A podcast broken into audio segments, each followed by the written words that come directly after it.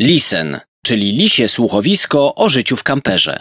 Cześć, tu Zosia. I Kuba. Jesteśmy w Foxes in Eden, inaczej Lisy w Edenie. To jest audycja Lisen, czyli lisie słuchowisko o życiu w kamperze. Zapraszamy na odcinek 36 pod tytułem Nocna wyprawa w góry. Dziś zabieramy Was w mrok i walczymy z lękami wysokości. Z lękiem wysokości my walczyliśmy, może Wy trochę też powalczycie. I z lękami przed ciemnością. No Troszeczkę to też, też. to prawda. Zwykle podczas naszej wyprawy skupialiśmy się na pięknych zachodach słońca i pewnie większość ludzi tak robi. Pewnie też dlatego, że to wymaga od człowieka trochę więcej zachodu, by taki wschód słońca zobaczyć. No właśnie, więc my postanowiliśmy taki wschód zobaczyć, ale zachód był o tyle większy, że to doświadczenie wymagało od nas wędrówki, ponieważ byliśmy w okolicach Lysefjord i postanowiliśmy, że celem tej wędrówki będzie Preikestolen, czyli bardzo znany klif, bardzo znana taka skała, która wznosi się około 600 metrów nad poziomem tego fiordu. Charakteryzuje się tym, że na szczycie jest bardzo płaska, właściwie taka kwadratowa. Ten kwadrat ma wymiary 25 na 25 metrów. Ta formacja powstała 10 tysięcy lat temu, mniej więcej, pod wpływem działania wody, to znaczy właściwie zamarzania wody, ponieważ woda zamarzła, e, lodowcowa woda zamarzła i rozsadziła skałę i stworzyła taki właściwie jakby wyrzeźbiony postument, można powiedzieć. I tam można dojść, rozpościera się piękny widok na fiord i również piękny widok na takie wschody słońca. To jest bardzo znane miejsce, turystyczne miejsce, dlatego dobrym pomysłem jest wyjście na szlak albo bardzo rano, albo już bardzo późno, czyli takie nocne wycieczki. Można taką wycieczkę odbyć samemu, można też wziąć przewodnika, jeżeli nie czujemy się na tyle komfortowo, by właśnie tą nocą z czołówką sobie chadzać. Ale to nie jest pomysł jakiś taki wywrotowy, bo właśnie dość dużo ludzi chodzi na ten szlak y, niekoniecznie za dnia.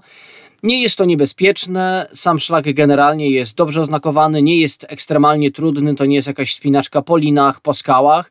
Z dobrym oświetleniem, z powodzeniem można w takich innych zupełnie warunkach przejść się tą drogą. Teraz to wiemy, ale wcześniej tego nie wiedzieliśmy. Wcześniej mieliśmy, no, takie zastanowienie, czy na pewno ten pomysł, na który wpadliśmy, czyli zobaczenie wschodu słońca już na Preikestulen, jest dobrym pomysłem. Postanowiliśmy nastawić budzik na godzinę drugą 30, żeby w miarę wcześnie móc na ten szlak wyjść. Przy samym wejściu na szlak jest duży zorganizowany parking. Na tym parkingu są i sklepiki, i kafejki, i toalety, natomiast jest również zakaz nocowania tam kamperem i przyczepą.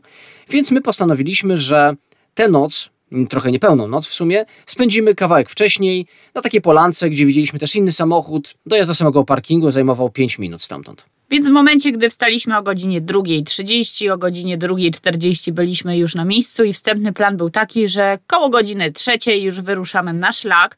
E, No daliśmy sobie przynajmniej w głowie wtedy teoretycznie taki dość spory zapas, ponieważ przewodniki mówią, że szlak zajmuje około półtorej godziny w jedną stronę.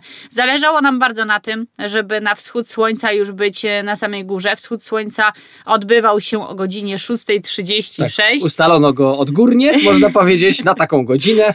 tak, nie mogliśmy go przesunąć. Teraz jak sobie myślę o tym, jak duży zapas czasu sobie dawaliśmy, to tego trochę nie rozumiem, bo w sumie jak chcieliśmy wyjść o godzinie trzeciej, to już y, teoretycznie o 4.30 bylibyśmy na górze. Co my byśmy robili przez y, taki duży okres czasu? No nie wiem, bo tam na przykład na miejscu niektóre osoby nocują, więc co one robią w tym czasie? No sobie są tam, może na przykład te gwiazdy, które widzieliśmy na parkingu, tym jeszcze na początku szlaku, byłyby tam widoczne o wiele bardziej, bo tam jednak jest no taka duża przestrzeń, jest widoczna duża część nieboskłonu, bo jesteśmy na wzniesieniu, na górze, na klifie. A no tak, doświadczylibyśmy jeszcze większej magii, a jednak nie doświadczyliśmy aż takiej, ponieważ no naszły nas wątpliwości. Jak o godzinie trzeciej wyszliśmy przed samochód i zobaczyliśmy te gwiazdy, o których Kuba mówi i jakąś resztkę księżyca, to trochę się zachwyciliśmy, ale trochę się przestraszyliśmy tej ciemności właśnie. Po pierwsze to były góry, my nie znaliśmy szlaku, więc nie do końca wiedzieliśmy czego się spodziewać. Można oczywiście o tym szlaku poczytać, no ale to nie jest to samo co zobaczyć. Po drugie chodzimy z psem, tam psy są dozwolone, tylko że trzeba je prowadzić na smyczy. No więc też baliśmy się, że hippie gdzieś tam wejdzie przypadkowo, może spaść w jakąś szczelinę, w jakąś przepaść. Nie wiedzieliśmy do końca co się może wydarzyć z takim pieskiem. Więc dlatego zaczęliśmy się zastanawiać w ogóle, czy to jest dobry pomysł, żeby iść tak zupełnie po ciemku. W sytuacjach kryzysowych wyobraźnia podpowiada najgorsze scenariusze. No i nasze scenariusze już naprawdę były czarne, tak czarne jak ta czarna noc. Wróciliśmy do kampera. Ja nawet miałam taki moment, że się położyłam do łóżka i pomyślałam sobie, a trudno, może jednak ten wschód słońca zobaczymy już na szlaku, może wyruszymy właśnie koło godziny szóstej, jak naprawdę już będzie jasno. Ja miałem taki moment, że jak się obudziłem, to byłem wkurzony w ogóle, że się obudziłem. znaczy nie, że w ogóle się obudziłem, bo to się cieszę zwykle, jak się budzę. Wolę się obudzić niż się nie obudzić, natomiast chodzi mi o to, że miałem takie wrażenie, wiecie jak to jest czasami, jak człowiek się tak obudzi niewyspany, no to sobie myśli, a po co ja to robię, może lepiej pospać i normalnie wstać i mieć normalny dzień. A to prawda, trochę Kuba nas tak nastroił. Pewnie przez to, że był y, taki wkurzony porannie, to zaczął wymyślać argumenty i najważniejszym argumentem było bezpieczeństwo. No ale jak już o bezpieczeństwie rozmawiamy, no to ciężko być lekkomyślnym. Wzięliśmy to, nie, to pod uwagę. To nie były argumenty, to były wymówki. No właśnie, trochę tak, ale jednak już ja się też przestraszyłam tej ciemności i zaczęliśmy czytać o fazach świtu, czyli zaczęliśmy szukać momentu, w którym no już będzie trochę jaśniej, ale jeszcze nie tak jasno, żebyśmy jednak na ten wschód mogli zdążyć. Szukaliśmy takiej optymalnej godziny na wyjście, żeby jeszcze trochę może poleżeć, ale żeby wyjść tak, żeby zdążyć, ale żeby już tak nie było ciemno. No i zacząłem zgłębiać temat i okazało się, ja tego wcześniej nie wiedziałem, że są różne fazy świtu. Rozpoczynając od nocy mamy świt astronomiczny, żeglarski i cywilny. One oczywiście różnią się etapami wschodzenia słońca, to znaczy świt astronomiczny to jest ten sam początek, jeszcze widać gwiazdy na niebie, nie da się nic dostrzec na Ziemi bez dodatkowego oświetlenia, w naszym przypadku czołówek na przykład. Świt żeglarski zaczyna się wtedy, kiedy horyzont jest na tyle mocno rozświetlony, że dostrzegamy już zarysy obiektów na horyzoncie, ale jeszcze nie do końca widzimy wszystko, co jest wokół nas. No a świt cywilny jest wtedy, kiedy spokojnie, bez dodatkowego światła możemy poruszać się po lądzie, można tak powiedzieć, i dostrzegamy już większość rzeczy wokół siebie. Zdecydowaliśmy, że wyruszymy wraz z początkiem świtu żeglarskiego. Oczywiście uzbrojeni byliśmy w czołówki. Wyszliśmy o godzinie 5 i może nie z minuty na minutę, ale zauważyliśmy, że właśnie wraz z postępem y, prac na szlaku, czyli naszego trekkingu, robiło się coraz jaśniej i nawet po pół godzinie mogliśmy wyłączyć te czołówki. W momencie, gdy wyruszaliśmy, było około 13 stopni, więc nie tak źle, natomiast i tak para leciała z ust. Para w ruch. Para w ruch, nie tylko nasza para, bo od razu minęła nas inna para. Dwoje ludzi, którzy bardzo prężnie zaczęli wspinać się po szlaku, co też w sumie dodało nam otuchy, bo pomyśleliśmy sobie, że skoro nie jesteśmy sami, skoro to nie jest takie wyjątkowe zupełnie, takie wyruszenie nocne, no to chyba wszystko jest w porządku. Tak, aczkolwiek trochę im zazdrościłam, bo bardzo szybko straciliśmy ich e, z oczu i miałam wrażenie, że oni na szczycie byli już po chwili, tak naprawdę. Nie było ich słychać ani widać, a my szliśmy, szliśmy i jeszcze raz szliśmy. My korzystamy z aplikacji, e, ona się nazywa Maps.me i ta aplikacja nam pokazywała, że na szczycie, na samej górze powinniśmy być około 6.50, co dawało jakieś 20 minut po czasie po wschodzie słońca już. No więc troszeczkę takiej rezygnacji wewnętrznej było, ale uznaliśmy, że trudno, że sami sobie to zrobiliśmy, sami zdecydowaliśmy się na tak późne wyjście i najwyżej właśnie ten wschód zobaczymy po drodze. Taki żal się pojawił, tym bardziej, że okazało się, że szlak, szczególnie ten początek, który pokonywaliśmy po ciemku, nie był wcale trudny. W ogóle na samym początku to była taka alejka, można powiedzieć, w górach, wysypana żwirem, także naprawdę prosta sprawa. Później były takie kamienne schody, też nic skomplikowanego, więc jeżeli ktoś myśli o takim wyjściu nocnym, to nam się wydaje, że spokojnie można wyjść wcześniej, iść zupełnie po ciemku przez dłuższą część tego szlaku. Nigdzie spaść nie powinniście, tam nie było takich skarb. Nasz pies też był e, raczej bezpieczny na tym szlaku. Jedyne co to myślę, że warto zjeść przed wyjściem na ten szlak śniadanie, zwłaszcza jak się wychodzi tak bardzo rano. Ja czułam już e, wewnętrzne zmęczenie, tym bardziej, że tam w pewnym momencie zaczynają się schody i to takie już fizyczne schody. Mm, schody, schody, jeszcze raz schody, czyli podejścia w górę i te schody są dość wysokie. A taka ciekawostka, te schody pomagali budować szerpowie z Nepalu. Właśnie, bo ten szlak podobno jeszcze kilka lat wcześniej był dużo bardziej skomplikowany i niebezpieczny, właśnie przez to, że nie było takiego dobrego podłoża, było błotniście, ale już jak się schody skończyły, przynajmniej na jakiś czas, to zaczęła się taka drewniana kładka, taka kładka przy polance. Całkiem miło było i wtedy właśnie wyłączyliśmy sobie czołówki i zobaczyliśmy, że zaczyna świtać, a po chwili no, nastał moment pierwszej magii.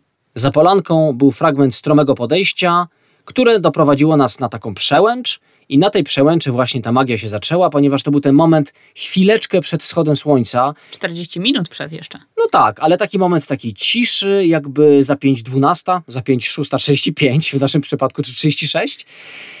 Było cicho, a równocześnie jakoś tak y, czuć było to rodzące się życie, ten nowy dzień. No piękny, piękny moment. Niesamowite kolory na niebie także. Pomarańczowe, pomarańczowo-czerwone. Tak, i ja wtedy poczułam, że zrobiliśmy bardzo dobrze tym, że wyszliśmy, że jednak się zmobilizowaliśmy, że podjęliśmy tę decyzję, żeby ten wschód słońca zobaczyć. Nie ulegliśmy mojemu leniowi, mojemu rozdrażnieniu porannemu. Zaczął się taki bardziej płaski fragment tego szlaku. W świetle poranka widzieliśmy krajobraz, był bardzo piękny, były takie małe jeziorka, a ponieważ byliśmy już dość wysoko, to na horyzoncie zarysowywały się góry w chmurach, także naprawdę, naprawdę ten moment był bardzo malowniczy. Szliśmy coraz bardziej prężniej, mimo tego, że aplikacja ciągle mówiła nam, że nie zdążymy na ten wschód słońca. Zobaczyliśmy oznaczenia szlaku, które mówiły nam zupełnie coś innego, bo na oznaczeniach było napisane, że został nam jakiś kilometr drogi.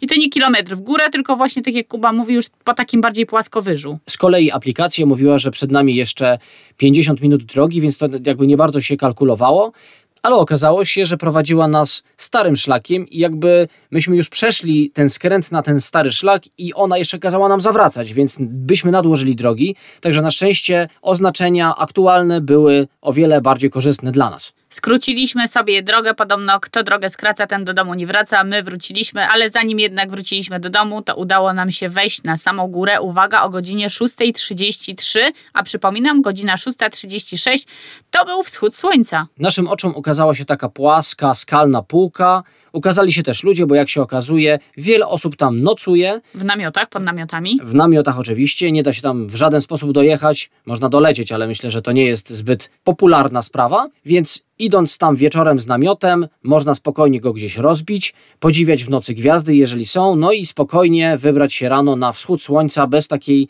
nocnej pobudki, jaką my mieliśmy. Trochę gorzej, jak ktoś lunatykuje i tak sobie polunatykuje w nocy na Prejkestulen. To prawda, bo ta półka skalna urywa się nagle, a pod nami rozpościera się 600 metrów przepaści, a na dole czeka woda a to ciekawe, tam nie było żadnych ograniczeń, żadnych barierek. Właśnie jak ktoś się zapomni, no to może polecieć, zlecieć. Były też szczeliny w skałach i naprawdę tam trzeba uważać na to, gdzie się stawia kroki. Albo na... gdzie się pieska prowadzi. Albo gdzie się pieska prowadzi też. Ja sobie pomyślałam, że w Stanach na przykład już taki widok byłby bardziej ograniczony właśnie jakimiś barierkami dla bezpieczeństwa. Podobno były propozycje, żeby postawić tam ogrodzenie, ale władze Norwegii, czy może władze tego terenu, powiedziały, że no przecież nie ogrodzimy całego świata, a natura jest po to, żeby z niej korzystać w sposób naturalny i nieograniczony. Dodatkowo jeszcze okazuje się, że tam nie ma wielu wypadków. To znaczy do tej pory były samobójstwa, chyba trzy, i żadnego wypadku związanego z tym, że ktoś na przykład sobie robił zdjęcie na samej krawędzi, a widzieliśmy też takie osoby, które zwieszały nogi z tej skały i robiły sobie zdjęcia. No myśmy się nie odważyli. No znów wyobraź nam podpowiadała zbyt ciemne scenariusze. Scenariusze może były i ciemne, ale robiło się coraz jaśniej i w końcu, w końcu po trzech minutach naszego pobytu na Prejkę Stolen zaczęło wschodzić słońce. Słońce wychylało się powoli z zachmur, gęstych obłoków, niczym wata cukrowa, i te obłoki dodały uroku temu miejscu. Myślę, że jakby była większa przejrzystość, no nie byłoby aż takiej magii, jaka była, mimo że te obłoki zasłoniły nam fiord fiord albo wodę w fiordzie, bo nie chodzi tutaj o takie obłoki, które przesłaniały nam horyzont, tylko one się pod nami rozpościerały, więc było wrażenie, jakbyśmy szybowali nad chmurami na tym klifie. Góry wyłaniały się z tych chmur. Krajobraz był naprawdę przepiękny, trudno to opisać słowami. Zapraszamy na nasze filmy na YouTube'a, na których pokazujemy te widoki, no bo tylko chyba taki film, prócz oczywiście sytuacji na żywo, może oddać wyjątkowość tego momentu. No właśnie, jak kiedyś będziecie w okolicy, na Prejkę Stolen polecamy wejść na ten wschód słońca i zobaczyć e, to na własne oczy. Ciężko to oddać. Na zdjęciach też tego nie widać. Natomiast jeżeli chodzi o zachód słońca, to z tego co ja tak się zorientowałem tam w kierunkach świata, to zachód byłby za plecami, więc już myślę, że nie byłoby aż tak pięknie, no bo słońce by zaszło po prostu za górę, na której jesteśmy, no i tyle. Ale jednak, jeżeli już e, zdecydujecie się przyjść na zachód, no to polecamy wziąć ze sobą namiot i poczekać na ten wschód. Zosia wspominała na początku, że wyszła głodna, więc przyszedł moment na to, żeby ten głód zaspokoić. Głód widoków zaspokojony, głód wyprawy zaspokojony, Głód y, żołądka zaspokojony już na górze. Ugotowaliśmy sobie jeszcze w kamperze jajka, więc y, jajka z chlebkiem skonsumowaliśmy na górze, wypiliśmy kawę i zauważyliśmy, że ruch turystyczny zaczął się zagęszczać. Coraz więcej ludzi e, przychodziło już na górę po wschodzie słońca. Nie zdążyli, my zdążyliśmy. Czyli potwierdziło się to, o czym czytaliśmy. Miejsce jest naprawdę popularne, ponieważ wracając mijaliśmy już grupy ludzi, nie tylko pojedyncze osoby, ale sam powrót też był ciekawy. Wracaliśmy tą samą trasą, którą przyszliśmy, ale ze względu na to, że szliśmy w momencie, gdy było totalnie ciemno, a wracaliśmy, gdy już nastał dzień, no to przestrzeń otaczająca nas y, była inna i takie podwójne doświadczenie mieliśmy dzięki temu. No to jest sposób na to, żeby nie nudzić się w drodze powrotnej, w tej samej drodze powrotnej, chociaż to chyba duże słowo, bo tam no jest tak trochę pięknie. ciężko byłoby się nudzić. No właśnie, tam jest tak pięknie, że naprawdę nie da się nudzić, nawet jeżeli idziemy w ciągu dnia w tej z powrotem. Reasumując, zdecydowanie polecamy taki alternatywny sposób odwiedzenia Preikestolen. Nie jest to ani niebezpieczne, ani dziwne, ani w żaden sposób odradzane, a wręcz jesteśmy do tego zachęcani. Mimo, że zbyt wielu wschodów słońca na swoim koncie nie mamy, to ten wschód słońca na pewno zapamiętamy na bardzo, bardzo długo. Ja bym chciała kiedyś wrócić po kilkudziesięciu latach, na przykład na ten e, szczyt raz jeszcze, żeby sobie powspominać młodość. Niektórzy oglądający nasz film na YouTubie pisali, że ojejku, jeszcze 10 lat temu tam było zupełnie inaczej, więc myślę, że za te lata, o których mówisz, może być też zupełnie inaczej, chociaż ta skała, mam nadzieję, będzie trwała i trwała, niezmieniona. Dziękujemy za dzisiaj. Mamy nadzieję, że Was zainspirowaliśmy. Jeżeli nie na wschód słońca na Stulen, to chociaż na wschód słońca gdzieś obok Waszego domu. Wszystkiego dobrego, pozdrawiamy, cześć. Do usłyszenia przy kolejnej audycji. Cześć, cześć!